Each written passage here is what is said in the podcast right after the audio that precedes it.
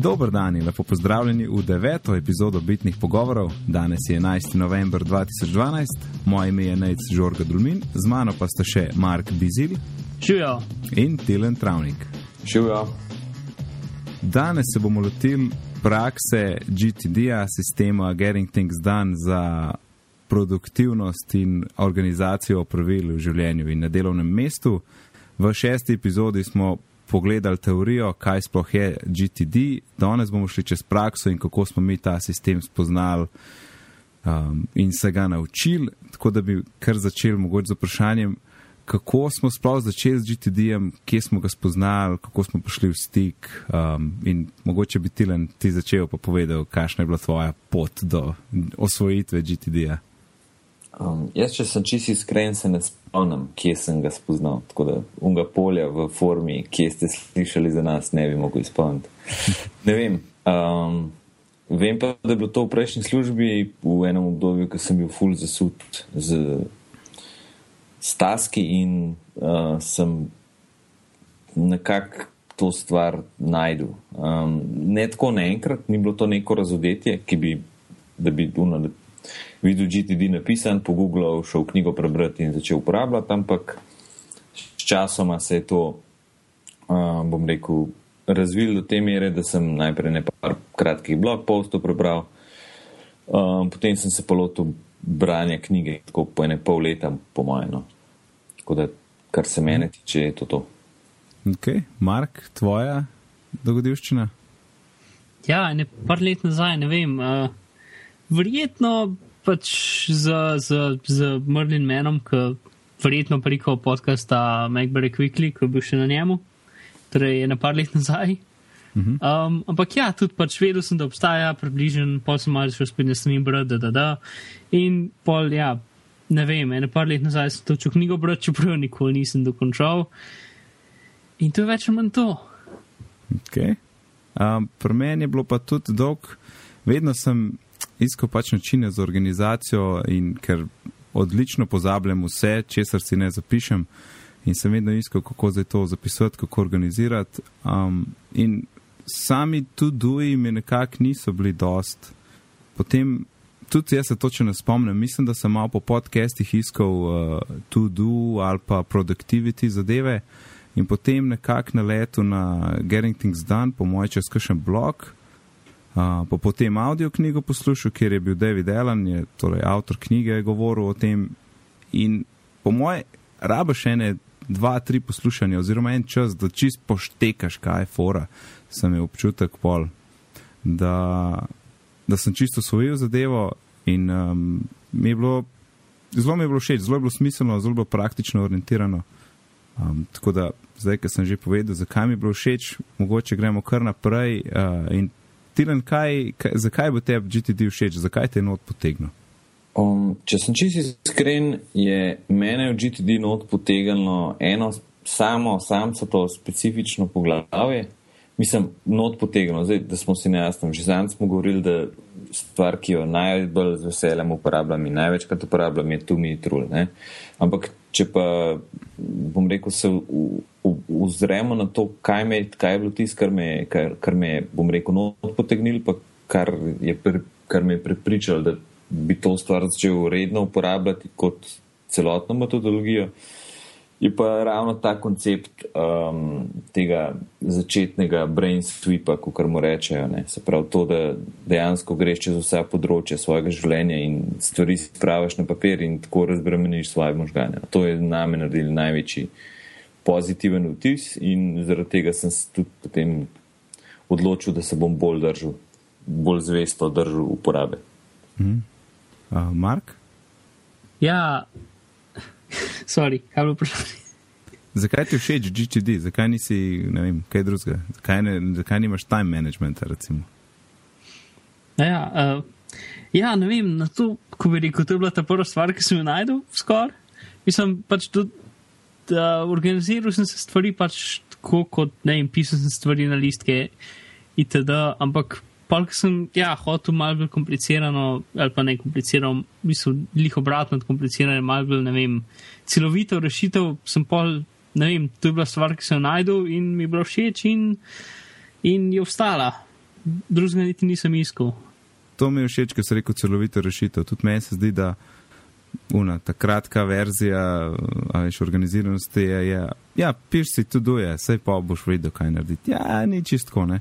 In tudi to, kar si rekel, Tilen, ta brain dump, um, res, je, res je super ideja, po kar res poštekaš. Ja, ok, vsedem vam z glave in nič nimam v glavi in proste misli imam in se lahko fokusiram na tisto, kar je treba delati. Ta druga stvar, ker pa meni, poleg tega brain dumpa, zelo všeč, je bila pa torej next action, da pogruntaš, kaj je naslednji korak pri projektu. Ne.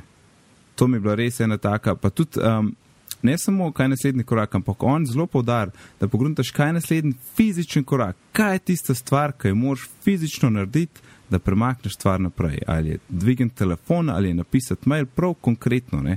To mi je bilo zelo, tako, zelo praktično orientirano, je bila stvar. Ni bilo tako neki v luftu, kao sam razmisel, kaj moš pol narediti, nekaj, ampak res točno, kaj moš narediti. In ker itak stvari na koncu delamo v fizičnem svetu, ne druge. In zato mi je bilo zelo všeč, kako je ta next action bil podarjen. In nekako, sem ga poštekal, se mi zdel, da kjerkoli stvar lahko naprej premaknem. Sam pomislite, treba, kaj je naslednji korak. Mm.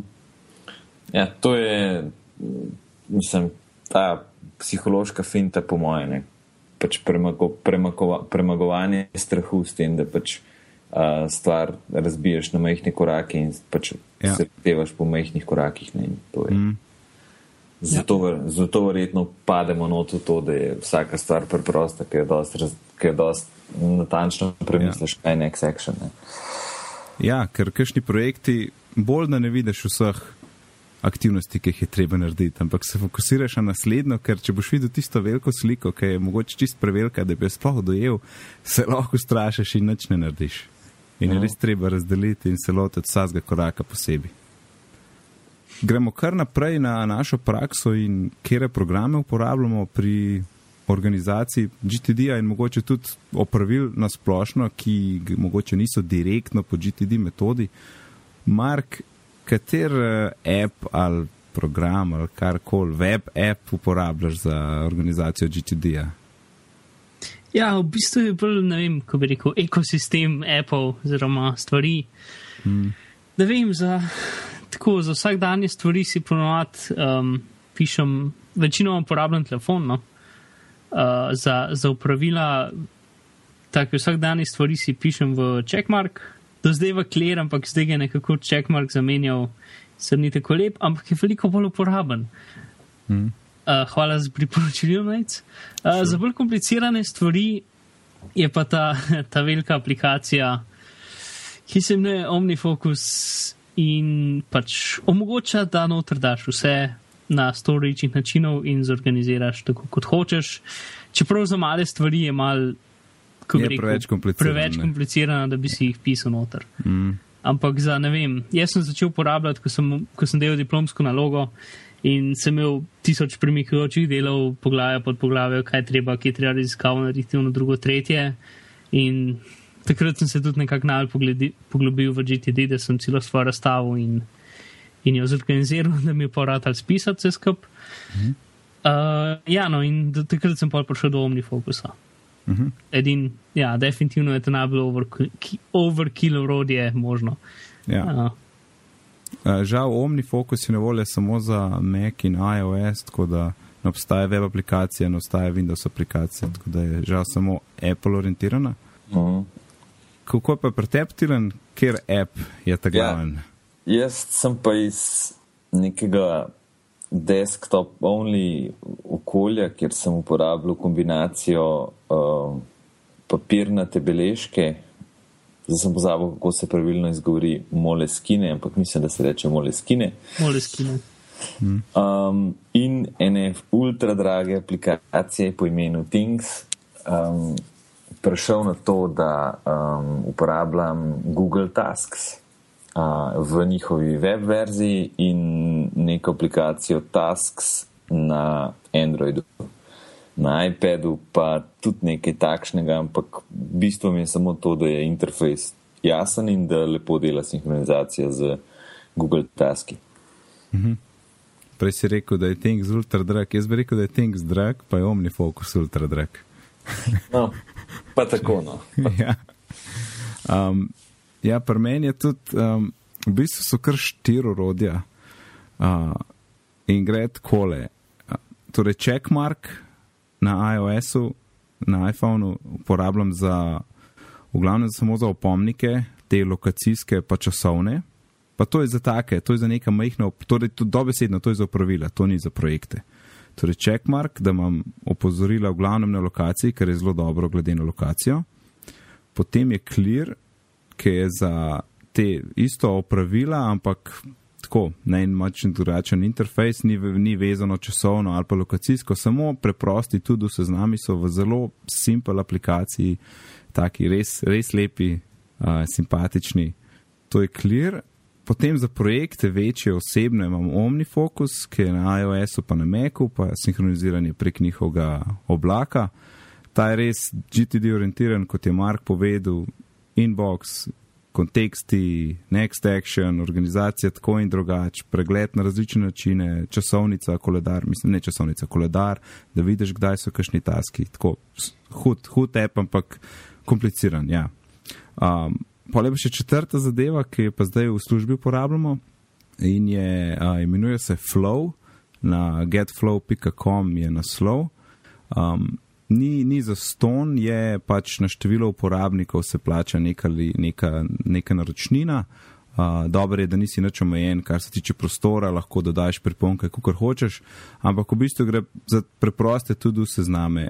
Uh, z kakšnimi roki lahko delegiraš, uh, lahko delegiraš nalogo, uh, lahko, de, de, lahko deliš projekt z drugim in potem vidiš skupne taske oziroma seznam taskov svojih pod kolega recimo. In uh, pač iskali smo neko rešitev, da bi, da bi si lahko delegirali taske, pa da bi videli, kaj je narejen, pa da kaj narediš, da je nekdo obveščen, da je task narejen. In, uh, na prvi pogled se je zgledala zelo simpel stvar, ampak um, je zelo v redu in uh, jo zdaj kar, kar dosto uporabljamo in smo v bistvu zelo zadovoljni za, z njo. Tako, to je bil pa flow. Torej, to so te štiri. Cool. Um, Jaz bi tle probal sam dodal še to, da konstantno. konstantno pri, pri čem? Kaj bi dodal? Pri urodjih. Aha. Pri urodjih bi rad povedal še to, da konstantno sprobavam nove stvari. Um, ja. Od, od pač praktično vsake aplikacije, ki naredi nek splash, ne vem, wunder, listi in podobne stvari. Mhm. Ampak v končni fazi se vedno vržem na, na, na definicijo iz knjige, ki pravi, da mora biti to trusted system. Ne. Se pravi, sistem, ki ima to lasnost, da ima vse svoje taske not zavedene. Ne. In nisem jih pristaš tega, da bi vodil zadeve po šestih različnih sistemih, um, tako da se kar provam držati Google taskov. Mm, ne, vse to je super, ampak nekako jaz sem videl če bi bila ena za vse, bi bilo da best, ampak nekako, ok, clear priznam, lahko bi brez clear delo, ampak je, je pa en tak, to je lep app, to je simpel, to je nice, da ajš iz tega. Že iz tega občutka, da je to hud app, imam feeling dožnosti, da ga uporabljam, ker je res nice. Mhm. pa prej, ki si rekel, da rad sprobavaš nova orodja, tudi, tudi jaz sem tega imel precej več kot zdaj, ampak je treba kar paziti, da, da ne padeš noter v testiranje in igranje novih orodij in malo pozabiti na tisto, kaj dejansko moraš narediti. Ne. Ja, se mi zdi tako um, nevarno področje, kjer se lahko hitro, imaš feeling, da se nekaj delam, testiram orodje, a bom zdaj full produktiven, v resnici pa sam igraš z enimi programčki. Mm. Ja. Yep.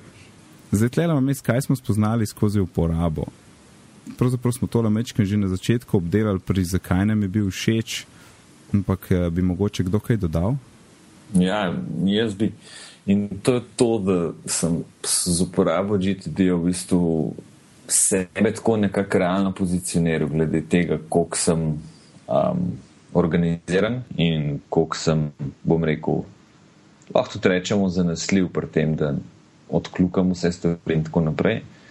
In sem tudi ugotovil, da določene mere se te stvari dajo sicer zboljšati, zrihtati, um, ampak najrajš, najrajš pa vidim, da mislim, najrajš pa sam svoje, bom rekel, te preference dam na mizo, preden se nečesa na tak način lotim in si probam delo zorganizirati tako, da ne bo od mene zahtevalo preveč hude doslednosti glede izvajanja taskov. Zdaj to se mogoče sliši zelo tako. Um, da, da hvatam krivine, bi rekel, ne, ampak v bistvu um, sam samega sebe sem bolj spoznal no, in mogoče se znam malo bolj komitati za stvari, za katere mislim, da se moram, pa mogoče malo manj za tiste, ki mislim, da se mi ni treba. Mm. Predvsem se mi zdi, da lahko hitro vidiš, če, še, če prej še nisi, ne, kje so eh, slabosti ne, in s, s katerimi deli tega GTD-ja lahko te slabosti odpraviš no, ali pa zmanjšaš. Mes, pri meni osebno je bilo pač pozabljanje v, v nedogled. Ne. Mm. Če ni bilo zapisano, ni bilo konca. Jaz čitko, for the record, koliko se vam zgodi, da iz trgovine ne prenesete vsega, kar bi mogli? ja, če bi imel evro za vsakič, ko se mi je to zgodilo. ja, to je, to, to je najhujš. Prideš iz Merkurja, vzameš eno stvar in prideš domov in se spomniš, da si to drugo stvar pozabil. Mm. Ja. Zdaj, lokacijski upomniki so meni to kar dosto olajšali te zadeve. In za, za kar uporabljam checkmark. Ker... Okay. Okay. Ki ti ga ful priporočam, če še ne poznaš.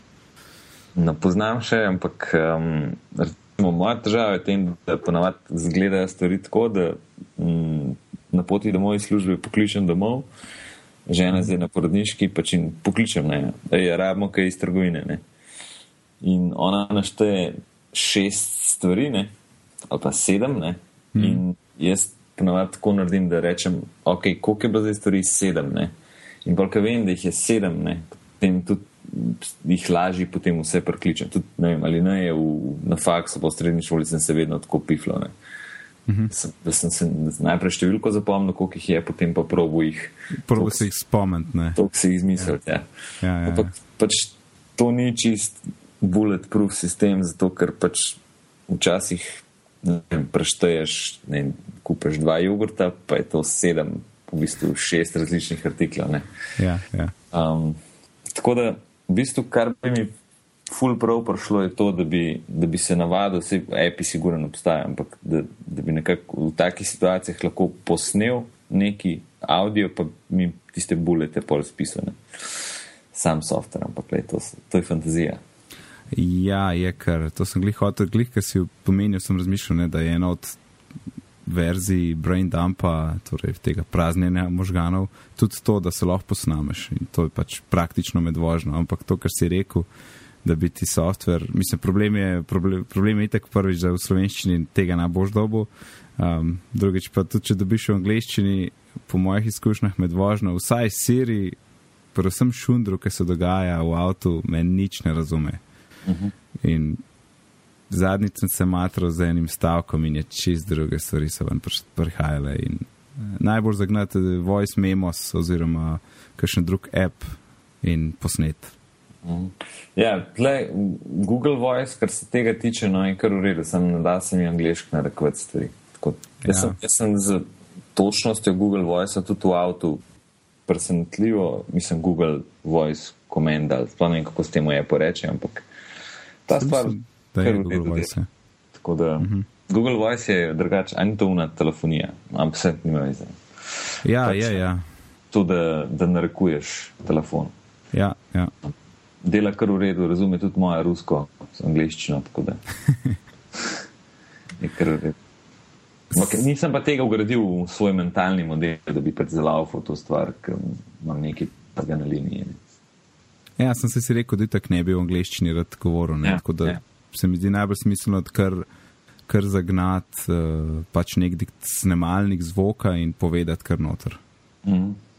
Ja, se je zdaj s tem snemalnikom zvoka in pravzaprav brain dumpom lahko mi kar skočimo na praktičen del GTD-ja in pogledamo vsako, vsak, vsak ta element GTD-ja, kako, kako pri nas v praksi deluje in mogoče kam imamo kakšno priporočila, kaj deluje, kaj ne. In glih pri brain dumpu ali pa oziroma, oziroma pri zapisovanju teh stvari, ki pridejo v naše življenje, je zelo velik variant, kako mi to lahko spravimo v inbox. Ne.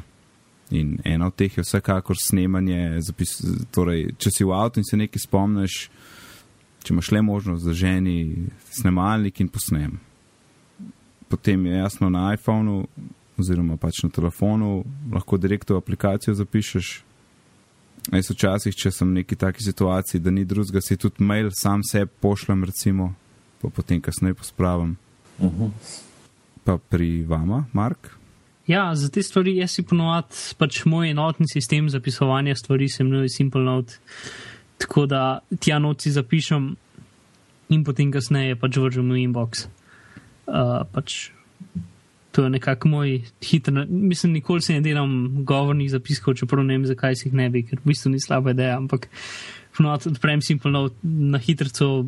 Napišem osnovo tega, kar sem hotel, s čimer imam pa kdaj probleme, da ne vem več, kaj sem hotel.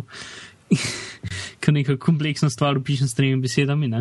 Mhm, ja. uh, in potem pač, ko vam čas, pa to dam v, v, v, v pač nekak ni inbox, uh, sam simple note, ampak je bolj, uh, ko bi rekel, pos, nek pos, buffer. Ja, preden pride v. v v inbox, ne pač ja, pade v zapisovanje. Pač ba, torej, simple note je kot listek, na katerega si zapišem stvari. Ja, ja. Ki potem vse te listke pa uredim v inbox. Mhm. Tilan? Jaz dosto uporabljam to, te variante pošiljanja mailov samo sebi. V bistvu, če, če sem čisto iskren, me Google Taski ful navajajo v nek njihov flow, ne? kar po svojem je všeč. Um, jaz sem recimo v zadnjem letu naredil migracijo iz desktop mail klienta na, na, pač na Gmailov klient. Uh -huh. Sem na Gmail in tam zadeve nekako špilejo tako, da moraš mačkan improvizirati. No. Nisi čist svoboden, ampak po drugi strani mi je pa všeč to, ker dejansko na desktopu sem najhitrejši s tem urodjem keyboard short, ki ti pač vse stvari delajo tako, kot je. Koncept, pač kupil sem njihov koncept dela in s tem delam, kupil, no, pač prevzel sem ga. Um, drugač pa včasih si vseeno, kljub vsej digitalnosti in tako naprej, si naredim to, da ko naredim nek tak jutranji daily review tega, kaj bi bilo treba narediti, si še vse na nek post-it napišem tri najpomembnejše stvari in potem imam tisti na robu, na robu dodatnega ekrana nalepljen še vedno. To, hmm. Predvsem takrat, ko zagusti, ki vem, da je res pomembno, da ti se tri stvari ti dan končam. Uh, se mi doskrat zgodi, da še vseeno naredim to, kljub temu, kljub vsem, mo, mislim, vsem možnostim, ki jih imamo online oziroma v digitalni obliki. Ja, ja, vem, kaj misliš. To je tista out of sight, out of mind. Ne? Če nimaš pred očmi lahko da boš malo zanemaril. Ja. Ja.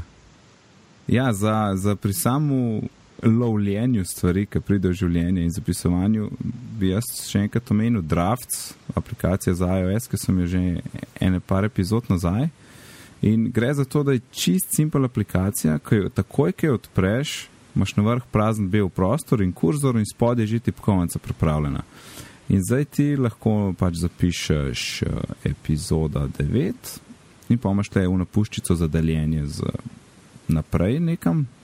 In kaj pritisnem, imam takoj možnosti, dodaj v OmniFocus, dodaj v agendo, pošilj prek maila, pošilj v Dropbox, pošilj v Evernote. In zdaj ne, uh, kadar hočem nekaj spraviti v inbox tako kot za, za GTD, samo tapknem eto OmniFocus in se odpre v OmniFocus s tem tekstom že noter in samo še shranim.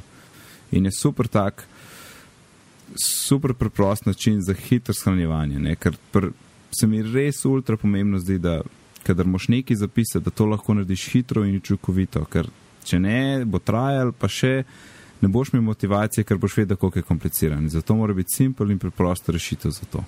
Tako da to je draft za iPhone in priporočam, če kdo išče nekaj za hitro zapisovanje. Okay. Lahko je še eno vprašanje. Uh, mene edina stvar, ki me recimo mal mika, da bi šel provat, no, je to, da bi probal um, zadeve početi v Evernote. Mm -hmm. um, Evernote pač se ful hvali s tem, da so sposobni dobro um, delati to-do liste in tako naprej. Prebral sem tudi par blog postov na to temo. Ampak čisto me zanima, če ima kdo kakšno osebno izkušnjo s tem, da je probal, probal te stvari početi. Ker jaz sem šele pred kratkim dojel v bistvu moč, parno, eh, moč eh, Evernauta um, s temi filtri. Ne. V bistvu obstaja en filter, ki lahko rečeš, poišči mi um, vse note, ki vsebujejo unfinished to-do items ali pa kaj takega. No. Um, mhm. Pa zdaj ne vem, pač, ko govorite o omnifokusu, jaz nikoli še nisem uporabljal tako kompleksne aplikacije za početi te stvari. Um, sam se zanima, če ima kdo še kaj. Um, Mark, jaz praktično nimam nič, imam pa mnenje. Mark? Ja, ti imaš definitivno več izkušenj z Evernotom, ne? Ja, um, recimo. A si kdaj um, delal tudi liste z njim? Je, je, me je prešinila misel, ampak nisem, zato ker se mi zdi, da ta aplikacija ni bila tako nikoli narejena in temu namenjena. In kljub vsem tem, ok, verjamem, da se da neke filtre dati, samo vseen, tle se mi zdi, da manjkajo pač konkretni GTD prijemi, ki ti jih lahko omogoča omni fokus. Mm. Zdaj, točno ne morem dati pokazati s prstom, kaj je to, ampak Evernote so zame zapiski in in se mi zdi, da, bi, da, da ne bi da dobro, pač mogoče bi v redu izpadel kot GTD urodje, ampak ne vem, če bi odlično izpadel kot GTD urodje.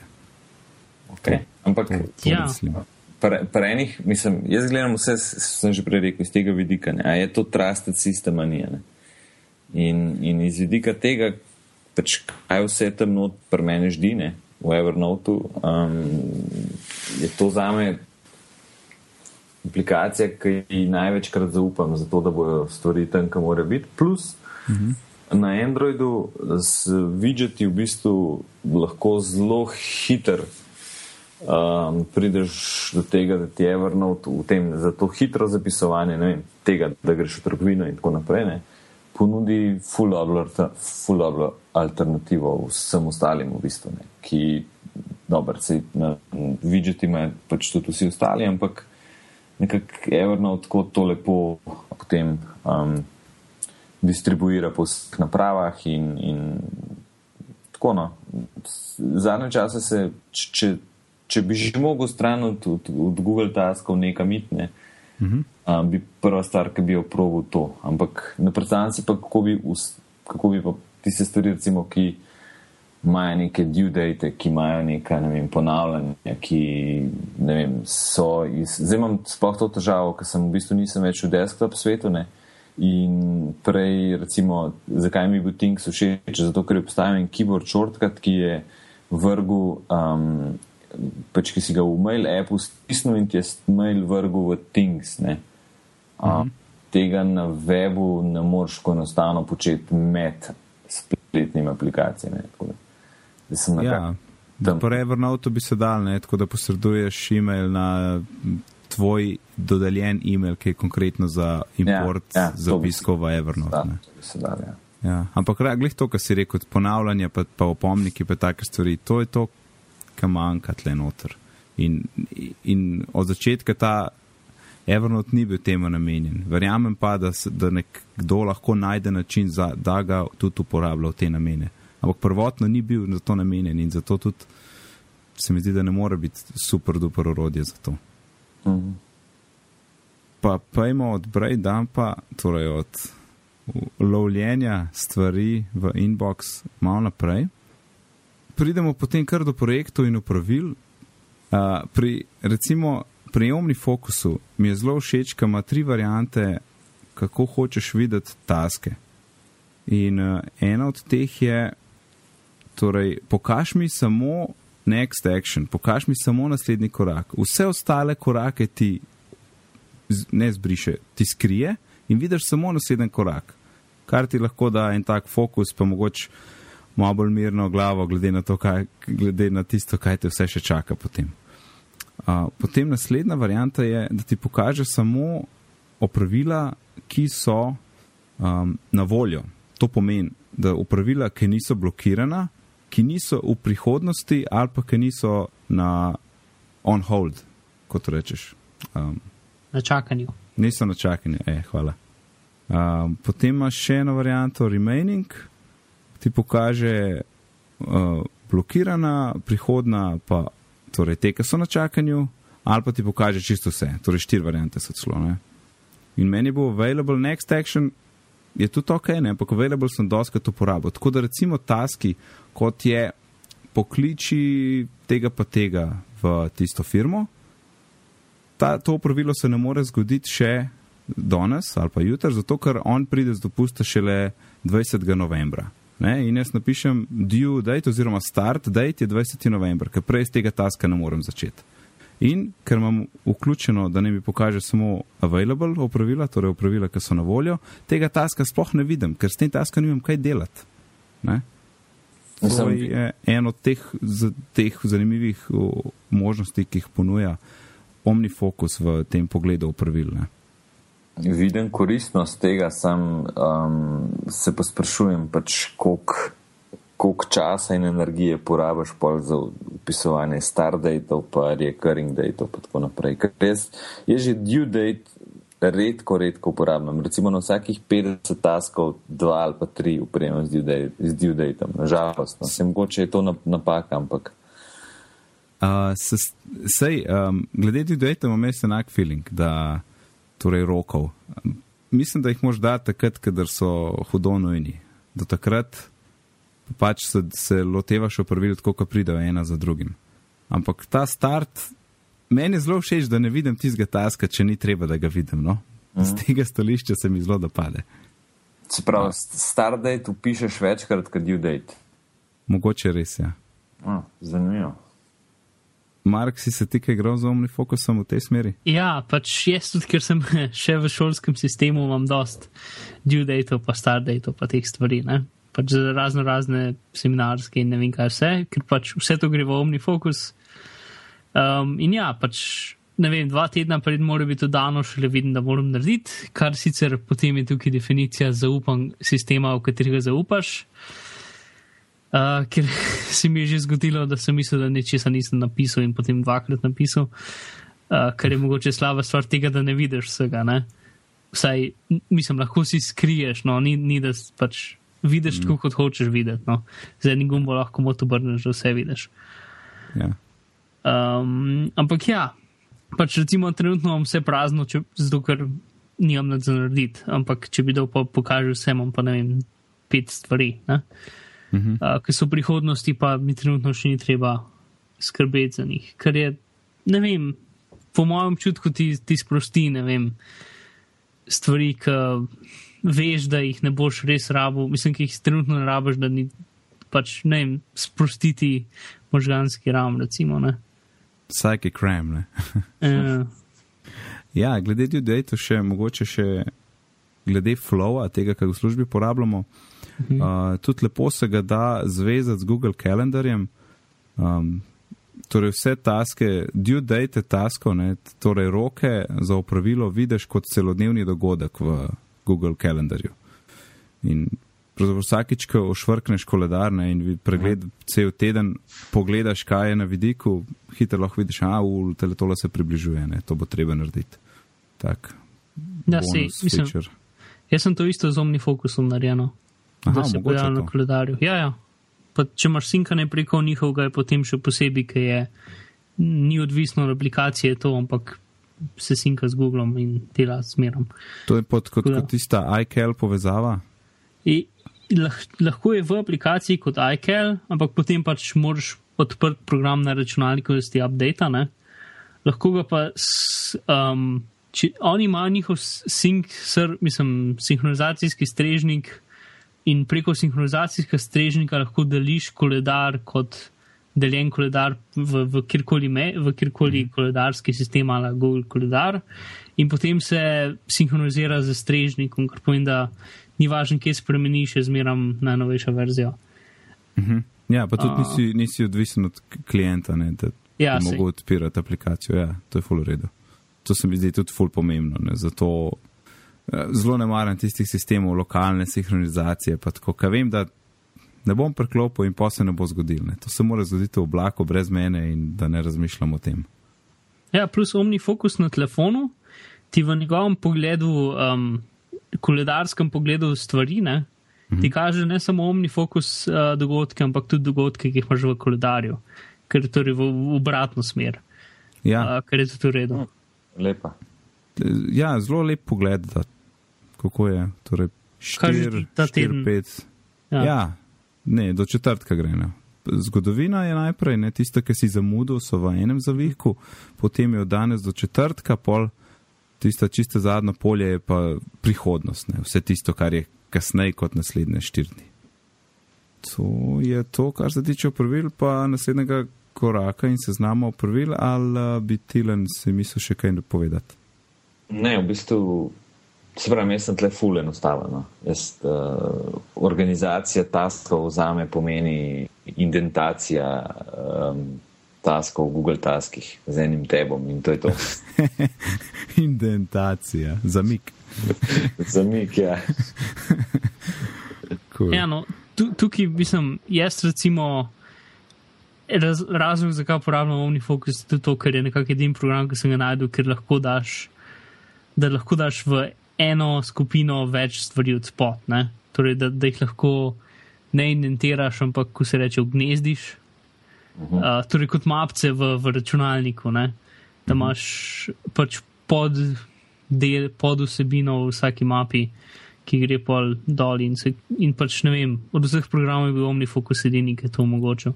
Kjer pa imaš, na primer, ker se mi zdi to dobra tema, delati sploh mape ali ne? Ja. Zakaj, za kere stvari uporabljaš? Jaz sem mape? pač najprej imam eno za šolo, pač vse v šoli je noter in potem so vsi predmeti.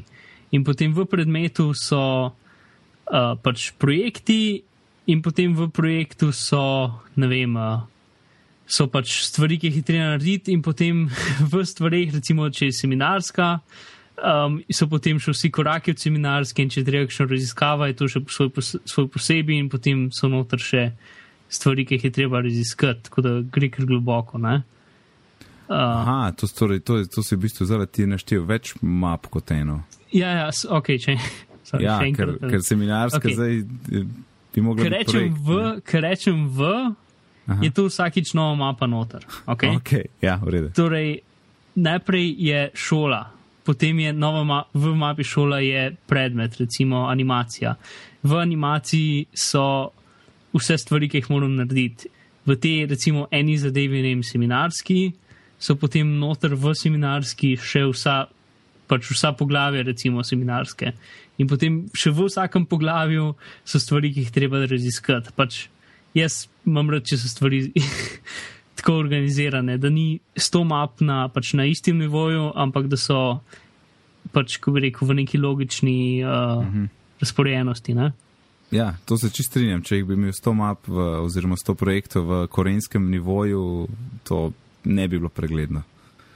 Dobro, če imaš toliko stvari, je kul. Ja. Se mi pa zdi, da včasih sem mogoče kakšen začetnik, se ful precej ogreje in naredi ful map, pa si misli, kako bom zdaj to organiziral in pol je vsega čist preveč in preveč je nekih letanja noter pa ven, pa niže dol, pa spet nazaj. Ja, gor. itak. No, se, ampak tisto, kar je kul, cool, je, da če greš v ta prvo šola mapo, ne, ja? ti tam v enem kosu pokaže vse stvari, ki jih imaš na voljo. Skriti tisto, kar nimaš, in potem imaš samo pet stvari, ki jih imam narediti, in to je to. Ne? Ko pa dodam, pa potem pač v, v projektu rečem, kam gre. Večinoma pa jih gledam vse naenkrat in jih imam samo pet. In tisto, kar ni nič, ne vidim. Tako da meni se zdi v redu način organiziranja. Ampak ja, definitivno se tukaj lahko, mislim, je bil razvit skozi dve ali tri leta, um, Mm -hmm. da sem gotovil, kaj je dost, kaj je preveč, kaj je premalo. Sem zdaj ti misliš, eh, zdaj, kad hočeš reči, kad ti klikneš na šolo, greš pol na vrh, tapneš v All Available Actions. Je zdaj na iPhonu. Uh, oziroma, če grem ja, na šolo, mislim, jaz zdaj gledam uh, aplikacijo na računalniku in imam pod filter, imam pod uh, remaining, pa unsorted. Aha, torej tebi združ vse taske, mislim, pogled ti da tako, da vidiš vse taske, ki so pod mapo šola, čeprav je tam noč še več map, pa več projektov. Ja, pač v bistvu naredim jih v eno dolgo listo. Ja. Mhm. Uh, Aha, ja, ja, če klikneš samo na vrh, ti pokaže vse, če hočeš pa direktno na projekt, pa potem klikneš znotraj tega. Ja, in zdaj, če je komplicirano, potem lahko vidiš, mislim, če ni komplicirano, če samo par stvari, pa lahko gledaš vse. Če pa hočeš iti v neko točno stvar, se pa potem lahko pač fokusiraš na tisto eno, eno stvar. Ne? Ja, ta pregled je dober, ja. se strinjam. Um, ful sta me zgubila v tem omi fokusu, sem še kar malo na njihov website gledati te zadeve. Um, um, ja, ja, mislim, definitivno le, je. Ja, v glavnem imaš app razdeljen na, na dva stolpca. Ne? Na levi so mape pa projekti, na desni so pa opravila. Mhm. Zdaj, ko Mark klikne na levi v mapo šola, se na desni naredi seznam vseh mhm. opravil za vse podrejene, za vse črnske. Ja. Okay. Cool, cool. Če, če pa hoče konkreten projekt videti, pa ga pa z leve strani tapkne. Pač najlažje si predstavljaš kot Explorer oziroma Finder v, za mape, za programe, za pač mm. v, v računalniku. Ne? Točno tako, mm. samo da niso teh zatoteki, ampak so teski. Ali pa niso ne, programi, ampak so teski. Ne? Ja. Ej, kul. Cool. Ok. Res sem že star, meni je to vse preveč zakomplicirano. Sej, se mogoče point vsega tudi, da najdeš, da, da GTD poštekaš kot metodologijo, potem pa najdeš praktično tisto stvar, ki za te odgovarja. Ker ja. čisto vsak ima drugačen način ja. dela in drugač dojema to vse stvari. In moraš, v bistvu moraš res, vse se strinjam, je treba pare Apple probati, pa videti, kaj je kul, cool, pa kaj ni, pa kaj ti odgovarja, pa kje je kaj boljš. In res poskusiti. Zdaj, uh, mislim, da OmniFocus obstaja, upam, da trial verzija, ker je drugač kar drag. Ampak. Um, ja, le, obstaja, obstaja, ne, si. Ja, ne, ampak, za ta denar bi mogla. Ja. Ne bom niti proval ta trenutek, ker. Ne, ne, ni, ni treba. I'm fine, like, to je meni kul. Cool. ja, se, mislim, jaz si definitivno tako ne organiziram, ne vem, kaj moram iti kupati to je pač samo za nekatere stvari, ki so nujno za službo ali pa za šolo, ki pač sploh za šolo, ki je ne vem, deset stvari z desetimi pod stvarmi, pač predmeti in stvari. Ne? Ker delam je ponovadi en projekt naenkrat in tisti ni take velike potrebe. Ne? Ampak, uh, mislim, ko, uh, kaj moram imeti kup v trgovino, si definitivno ne bi na tak način kompliciral. Ne, se strinjam. No, pri pravilih je še ena, ena super simpel um, pravilo, ki se mu reče pravilo dveh minut. In gre za to, da če karkoli, če nek pride neka naloga do tebe, za katero ocenjuješ, da jo boš naredil preko dveh minutah, jo naredi takoj. Ker če boš preložil in jo nekam pospravil in se kasneje k njej vrnil, bo ti, bo, ti, vzel, ti bo vzel več časa, kot da bi takoj naredil. In Tilen, ti si rekel, da si velik fan tega.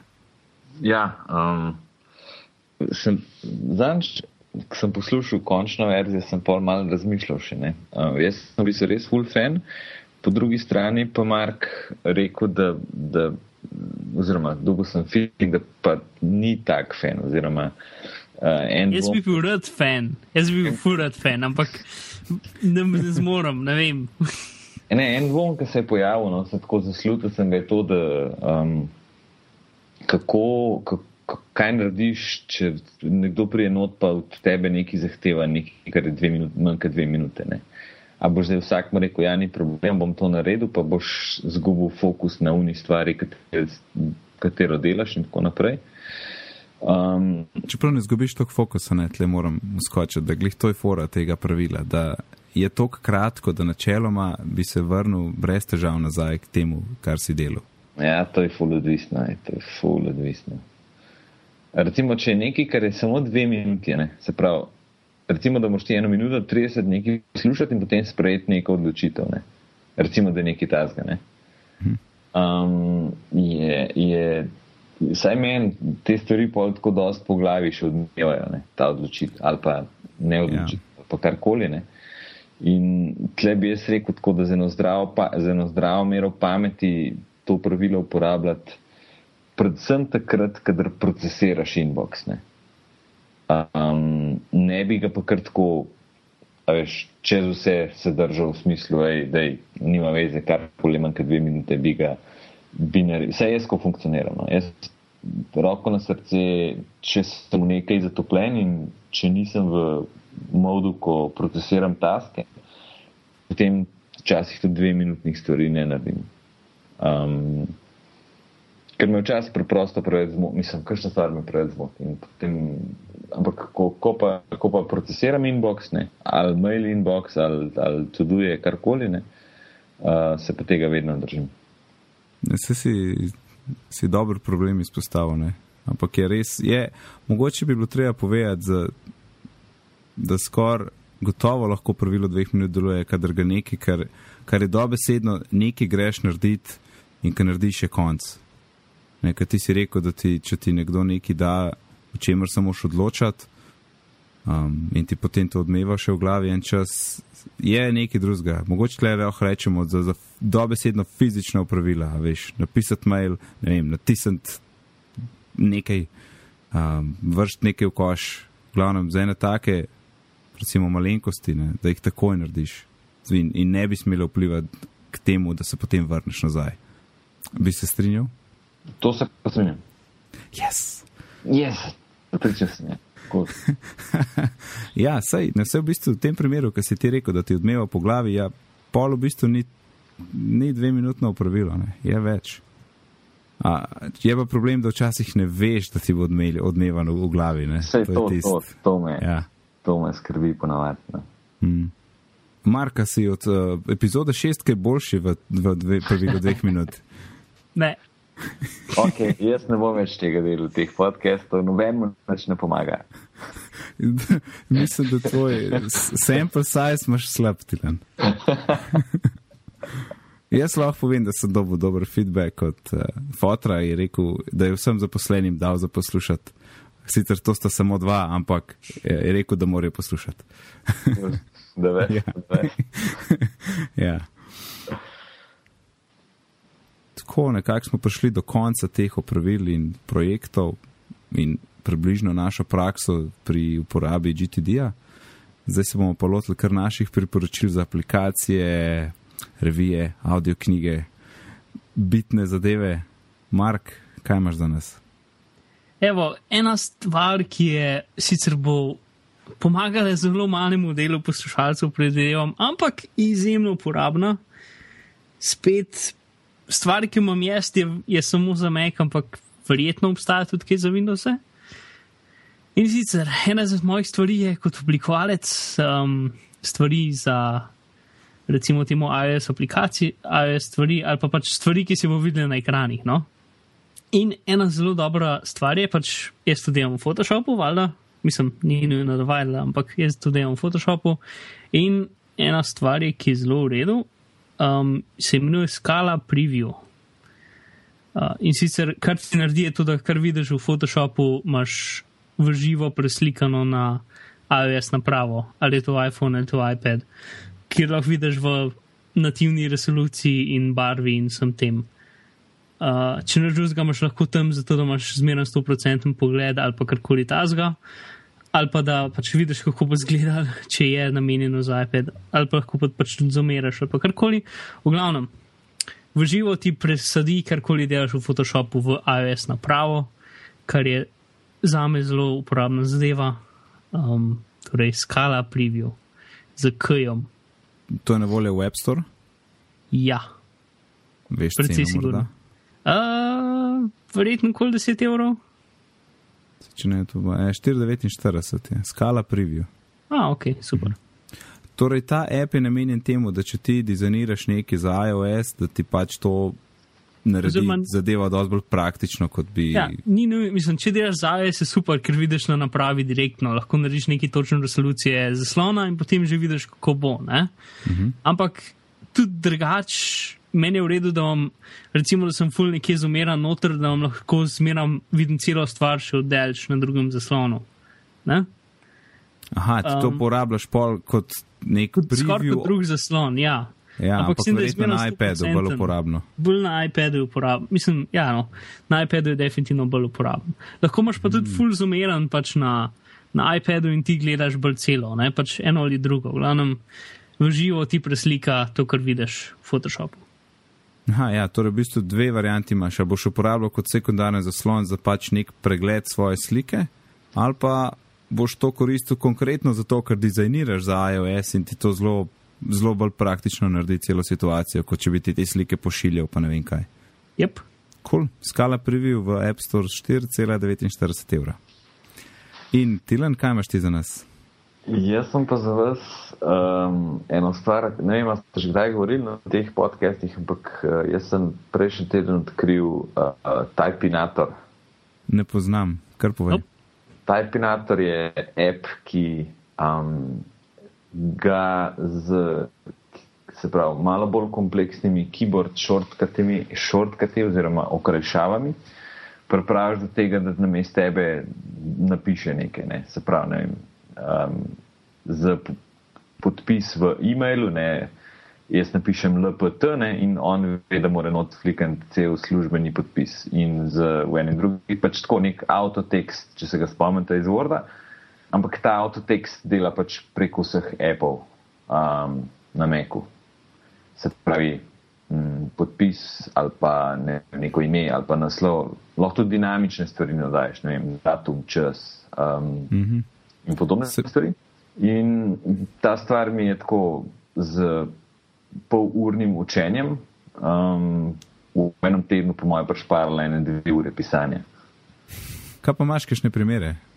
Um, ja, uh, imam par uh, replajev na maile, imam par kazal za dokumente, recimo za ponudbo. Um, Narediti novo ponudbo, ponovadi vedno izhajam iz enih templatov in tako naprej. Ne? Ampak sem si tako zorganiziral, da v bistvu za ponudbo v bistvu kar iz Typinatorja ustreli zadevo v Google Docs in tam imam neke stile narejene. Pač, to je recimo ena, ena taka stvar. Druga stvar je v mailih, ne, um, imam zdaj tri nivoje podpisovanja, ki jih uporabljam. Recimo, če nekomu pišem prvič mail, potem mu pošljem vse kontakte, če, če ne, potem mi je še vedno všeč, da mu pošljem vsaj vem, lep pozdrav, pa da je tisti ta spodnji del mečkan sformatiran in to si zelo precej dobro igram. Potem imamo ime od firme, vsebuje en, en midpoint, to je en special character, mislim special, nič ni special, se čist standarden, ampak tako shortcut na tipkovnici je relativno neobičajen. In Aha, ja. um, sem si zdaj pač to uh, shranil in vsakič, ki pač napišem prve dve črke, oziroma neko kombinacijo treh črk, no, um, mi stvar napiše. Uh, tako da majhna stvar, ki me je petno presenetila v tem tednu in sem se na njo full hitro navadil. Imaš ceno? Cena? App Store, eh, verjetno ne. App Store, zgleda, da ne. Mm, jaz sem kupil v, v njih bandlih, enkrat, že eno leto Aha. nazaj. Uh mhm. -huh pa sem zanč nekaj iskal, pa sem odkril to. Oziroma, v enem članku sem videl nekaj napisano v Typinatorju, pa mi je kliknil, da sem to jaz nekaj imel, pa sem pol najdel, pa inštaliral. Um, evo, in uh, zdaj sem cel fan. Uh, stane pa 24,99, drugače redna cena. Uh -huh. Ok, hvala. Moj je pa čist simpel program. Če si se kdaj sprašval, če si lastnik iPhona in si se kdaj sprašval, zakaj, kje aplikacije mi kurijo podatke, na, ko sem priklopljen na mobilno omrežje, je obstaja aplikacija, ki se ji reče Onavo Count. Onavo Count, ne, ko se naglasi. In neč poseben ga naložiš, uh, nek profil inštalira not v settings. In ti spremlja, katere aplikacije so ti kurile, koliko podatkov. Tako da lahko vidim Instacast 130, torej to so podcasti, Tweetbot 32 mega, Web 30, Evernote 6 mega in tako pol vedno manj. In vsak ima mogoče malo bolj omejen, omejeno število prenosov podatkov na mesec v svojem paketu in v bistvu ga zanima, kaj mu največ gre, si lahko namesti tale onavo account in uh, spremlja svojo porabo aplikacija za iOS je brezplačna, potem je pa še neka pro verzija, ki je pa nekaj evrov. Tako da to je onavo account. In huh. mislim, da. Ja, kaj je Mark? Ja, ne, sem hotel sem reči, huh, wow. Nikoli nisem slišal, nisem full dobro, I'm buying it right now, uh, ker imam omejene podatke.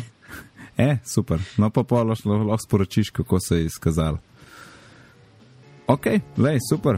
Hvala obema, zdaj smo lepo prišli do konca in bomo kar zapakirali deveto epizodo bitnih pogovorov.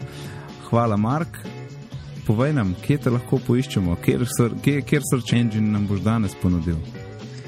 Danes sem ponudil Baidu, uh, kitajski search engine, tisti, ki ga imajo Kitajci radi. Recimo, um, notri pišete Mark Bizil in vam dobite vse moje stvari. In ko se to črkuje? baidu.com. ok, super. Hvala. Hvala tudi tebi, Tilan, da si se nam pridružil. Uh, kje pa lahko tebe poiščemo? Mene pa najdete vsak dan, vsak delovnik od 9 do 17 ure na celovški 32, kjer lahko spijemo kakšno kavico. ok, the best, pridem, mogoče še kdo. Uh, moje ime je Nec, na Twitterju me najdete pod izdelkom NECD, sicer se profesionalno ukvarjam z izobraževanjem, gradim e-tečaje, pišem pa tudi za jabolko.org. Povezave do vseh stvari, ki smo jih omenili v tej epizodi, najdete na bitni.dolmin.si. Zdaj imamo tudi Twitter račun, ki je kar bitni pogovori. Naslednjič bomo govorili o tehnični pomoči, kakšne so naše izkušnje, mogoče kakšne smešne zgodbe, ki smo jih imeli, in pa tudi kakšne pristope je smiselno uporabiti in kje pristopi so najbolj učinkoviti pri pomaganju nadaljavo nekomu z računalnikom ali pa tudi s telefonom. Hvala, da ste bili z nami, lepo se majte, do naslednjič. Živijo. Čau. Čau.